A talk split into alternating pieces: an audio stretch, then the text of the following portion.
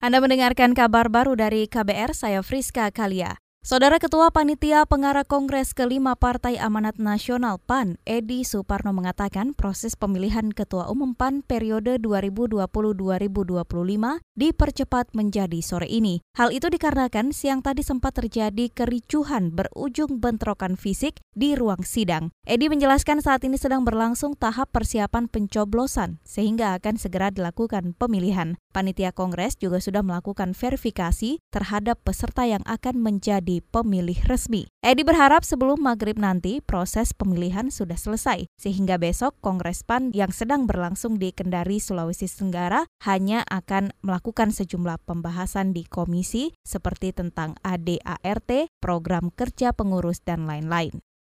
Beralih ke informasi selanjutnya, Badan Nasional Penanggulangan Bencana BNPB bersama Yayasan Peta Bencana meluncurkan platform petabencana.id. Kepala BNPB Doni Monardo menjelaskan, petabencana.id merupakan laporan kebencanaan dari masyarakat yang diunggah melalui media sosial. Tujuannya agar masyarakat bisa mengantisipasi kalau ada bencana di suatu daerah. Nah, kita sangat eh, berharap partisipasi masyarakat untuk memberikan informasi.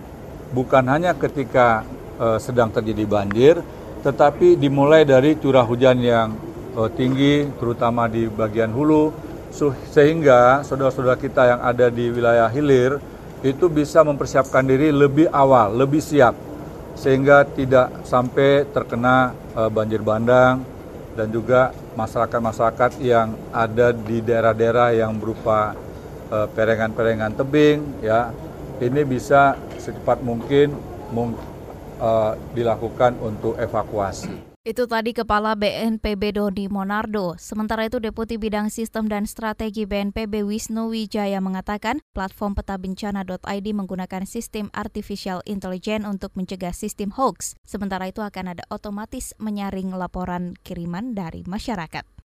Kita beralih ke informasi selanjutnya, Menteri Kesehatan Terawan Agus Putranto mengatakan masa observasi ratusan warga negara Indonesia di Natuna, Kepulauan Riau akan berakhir pada Sabtu 15 Februari mendatang. Terawan mengatakan Kementerian Kesehatan terus berkoordinasi dengan kementerian dan lembaga terkait untuk menentukan mekanisme pemulangan para WNI ke daerah asal. Sabtu ini kalau tanggal 15 itu berarti selesai, tapi kita masih rapat koordinasikan untuk bagaimana tekniknya pemulangannya dan sebagainya itu kan perlu dikoordinasi pakai pesawat apa, ke mana, mereka kan punya alamat sendiri-sendiri. Hari mereka kan dari banyak daerah, ya kan? Yang paling penting adalah selesainya di tanggal 15 nanti pukul berapa akan dicanangkan. Menteri Kesehatan Terawan Agus Putranto menambahkan semua WNI yang menjalani masa observasi di Natuna dalam kondisi sehat. Terawan berharap pada Sabtu 15 Februari mendatang kondisi kesehatan WNI tetap stabil sehingga semua rencana pemulangan ke daerah masing-masing bisa berjalan dengan baik.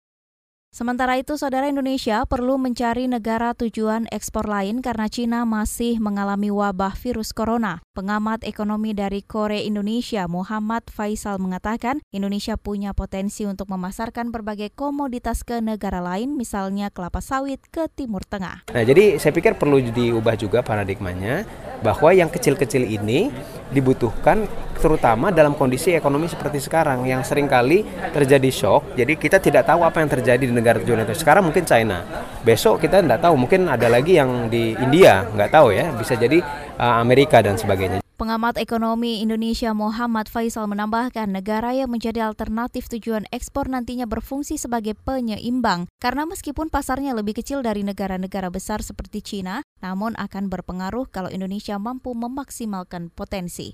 Demikian kabar baru dari KBR, saya Friska Kalia.